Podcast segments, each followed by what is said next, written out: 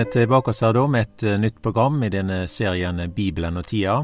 Og vi har over ei tid her da tatt fram Johannes' åpenbaring, og vi er kommet til kapittel åtte. Og her handler det om disse sju segler som blir bråte da. Og når dette skjer, altså det er det, det, er det sjuende seglet som blir tatt fram. Og når dette skjer, så er det blir det da en stillhet i himmelen på om lag en halv time. Og I den anledningen der da, så er det en engel som står eh, der attmed alteret, og dette alteret er da røykofferalteret. Og eh, det som denne engelen gjør, er at han legger røykelse til bønene åt de heilage. Og disse bønene er da i gullskåler. Og det forteller meg noe, for det første at noe må renses. Altså det, det kan være mange ganger at vi vi ber til Gud, og, og, og, vi ber gjerne til vår egen fordel, og at det kan gå på bekostning av andre mennesker. Eh, Gud vil aldri gi oss et svar som skader oss sjøl. Gud har oversikt eh, og kontroll og veit hva som er barnets sanne vel aleine. Men det er ingen bønn som er gløymt eller oversett. Og David han sier det på denne måten her i Salme 141. Lat mi bønn gjelde som røykoffer for ditt åsyn. Lat mine oppløfte hender gjelde som et matoffer om kvelden. Så når vi leser Johannes' åpenbaring her, da, så ser vi at denne engelen kjenner med røykelse, og det blir lagt til bønene åt de hellige. Så det er noe av grunnen, eller bakgrunnen for at det ble en stopp her, da, en pause i himmelen. Når vi da leser at bønene åt de heilage, så kan det være di bønn. Vi ser at det er en forbindelse og en viktig sak her da, mellom himmel og jord.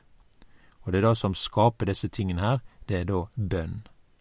Å be til Gud er aldri bortkasta tid. Bønn i Jesu navn er aldri noe som er forgjeves. Og det kan være mange ganger med at vi speider etter bønnesvar, at vi kan synes at Gud er langt borte og lurer på om han hører vår bønn. Vi forsvarer ikke Gud, Sånn kan vi mange ganger både seie og tenke. Men eh, til det er jo å si at Gud svarer nok, men kanskje det ikke er sånn som vi hadde gjerne tenkt det og forventa det.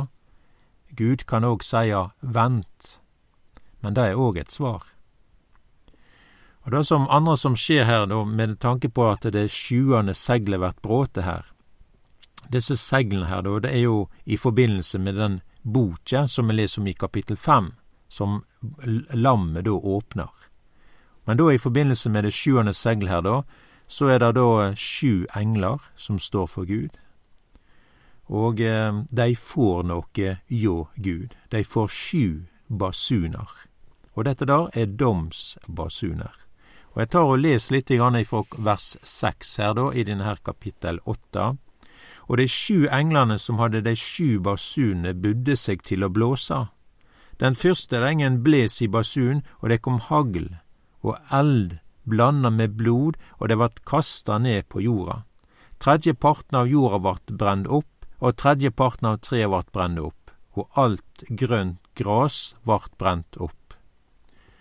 Så her vert vi vitne til noen veldige naturødeleggelser på jorda, og det skjer da ved at englene da bles i basunene. Og eh, som jeg nevnte, så står da disse for Gud. Det er i vers to det står, og jeg så de sju englene som stod for Gud, og det vart gjeve de sju basuner. Så vi leser at de står for Gud. Vi kan, eh, dette da har en parallell til presten Sakarias. Eh, Han sto jo i tempelet og, hadde, over prest og gjorde tjenester der, da.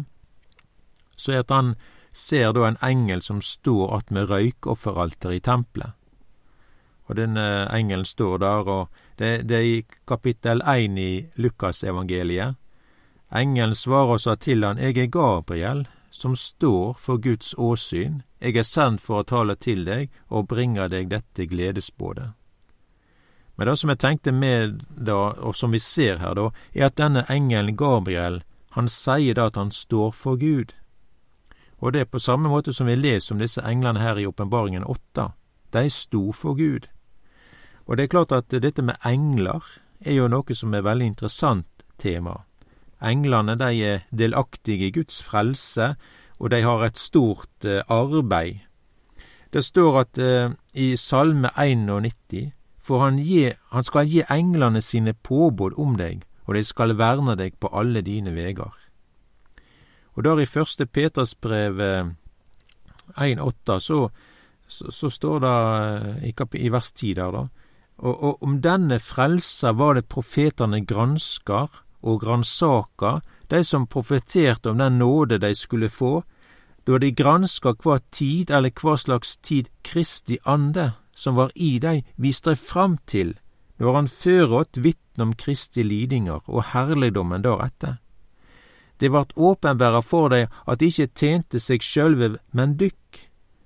Men dette som nå har vorte kunngjort for dykk gjennom de, de som forkynte eh, englane for dykk ved Den heilage ande, han som vart sendt fra himmelen, dette som englane trår etter å sjå inn i. Så her er det nok interessant òg med englene her, da, at de er, de er interessert i Guds frelse. De er opptatt med lengden og bredden, høgde og djupde, til det som har med Guds nåde.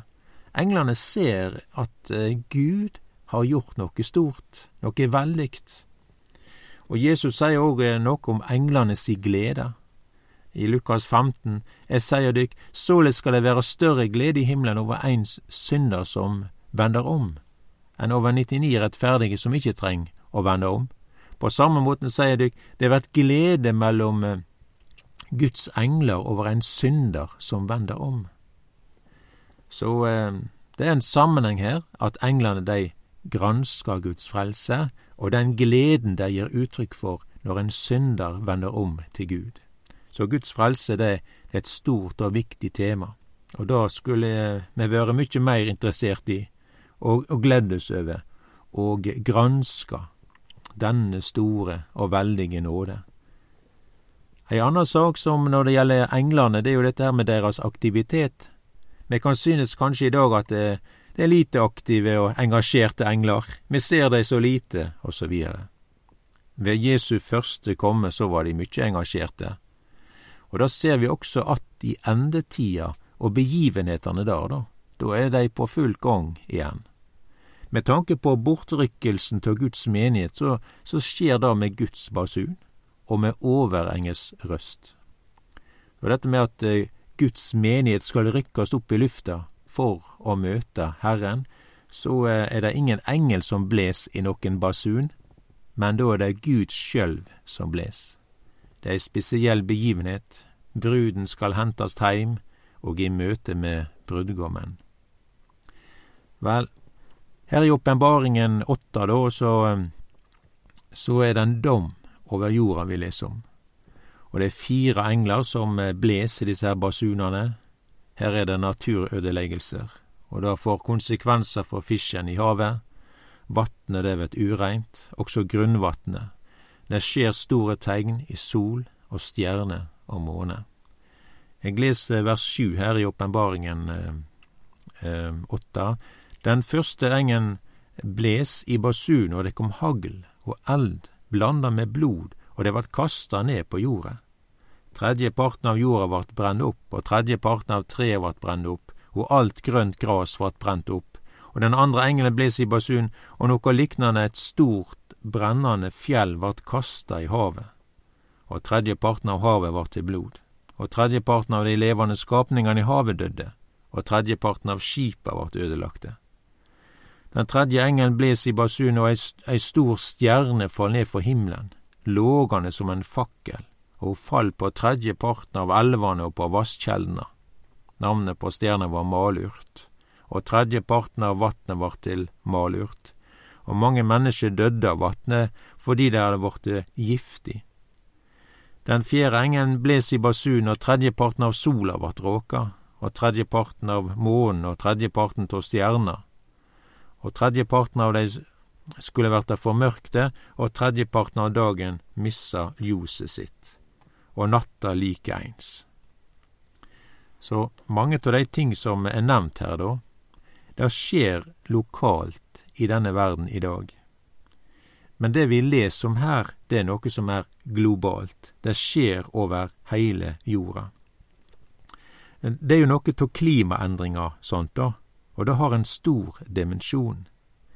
Når vi leser her at en tredjepart av trea, grønt gras, er borte, da får vi att det som vi kaller for en ørken, og en tredjedel av jorda er brent opp. Og som sagt så er det jo veldig vanskelig å forstå alt dette her, da. Men eh, vi veit da at eh, noe av de ting som her er skildra i Åpenbaringen åtte, det skjer lokalt rundt omkring i denne verden. Den ene tingen som jeg tenker på, det er regnskogen. Hvert år forsvinner store områder med regnskog. Et område som er på størrelse med Danmark. Hvert år. Og det er jo disse tingene som gjør det at jorda puster og menneskene kan leve. I utgangspunktet så kan det gjerne ikke høres så mye ut sånn sett heller, da, men regnskogen er å betrakte som et skattkammer, og halvparten til dette skattkammeret er ødelagt, på drøye 60 år, og dette får følge på ulike felt. Dette med dyr og planter som forsvint, mennesker blir heimløse, og du får en ørken, og da får du fattigdom. Vær og vind blir òg påvirka av disse tingene her. Det blir annerledes, og det har vært ustabilt. De klimatiske forholdene de endrer seg. Og mellom 10 og 15 prosent av verdens eh, gassutslipp skjer i forbindelse med avskoging. Og regnskogen den gir liv til 260 millioner mennesker, og kanskje så mye som 80 prosent av landjordas dyre- og plantearter. Og i dag så blir dette her ødelagt i et stort tempo. Og det som vi nevner her som et døve, døme, da. Regnskogen den er jo på mange måter en sånn lokal sak, eh, på en måte, da. Og, men det vil få store følger. Og vi ser ikke de veldige konsekvensene i dag, men vi ser begynnelsen til fødselsveiene. En annen sak som er nevnt her, da, det er fisken i havet. Og eh, vi leste det at en tredjepart av levende skapninger i havet ble borte. Og det hadde da sammenheng med det store fjell som vart kasta i havet. Og det var noe som likna et stort, brennende fjell.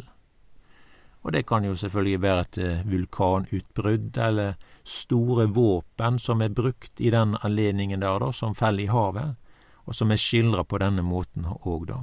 Og det kan òg være himmellegeme som faller i havet. Vel, i dag så skjer det ei forurensning i havet. Og det er noe som heter da karbondioksid. Og dette skjer på en måte ikke i havet, men det skjer i atmosfæren. Og det påvirker da livet i sjøen. Det reduserer noe som heter pH. Og jeg har ikke greie på alt det her, men det, vi kan kalle det for havforsurning. Og det som er interessant å legge merke til eh, her i de ordene som vi leser her fra Johannes' åpenbaring, det er noe som er kasta i havet, og det forfølger for livet i havet. Og i dag så skjer det da eh, ei forurensning eh, i havet. Det er utslipp av farlige gasser og avfall til atmosfæren. Og det får følge for livet i havet så ser vi dette her det er noe som samsvarer med det Bibelen forteller. Og eg jeg streker under det som Jesus sier, det som vi nå ser, som tegn i tida, tegn i naturen, dette er begynnelsen til fødselsvena. Når vi kommer inn i Johannes' åpenbaring, som kapittel åtte her, så ser vi fødselsverna. Ikke bare lokalt, men globalt. Ei eh, anna sak som eh, vi nevner her, det er grunnvatnet og eh, vi leste da at her hadde det blitt giftig. Det var elver og vasskjeller. Og vasskjellene her, da, det er da grunnvatnet. I dag så bruker vi mennesker opp dette grunnvatnet mer og mer. Og grunnvatnet det er reint, men eh, med forurensning gjennom landbruk og jordbruk, også uh, ureint vann som kommer til, industri osv., så, videre, så skjer det ei forurensning av grunnvatnet i dag som er veldig urovekkende. Og enkelte plasser i verden så bruker en så mye grunnvatnet at områder og byer sig. Vel, jeg bare nevner her enkelt sånn, da. Men dette er, det er sanning, og det er realiteter, og det samsvarer også med det vi leser her i Johannes' åpenbaring, kapittel åtte. Men det omfanget som vi leser om i åpenbaringen, det er ikke av en sånn art som vi ser i dag, men det vi ser er begynnelsen til fødselsvena. Så vi må ha helt klart for oss at Jesus kjem snart igjen.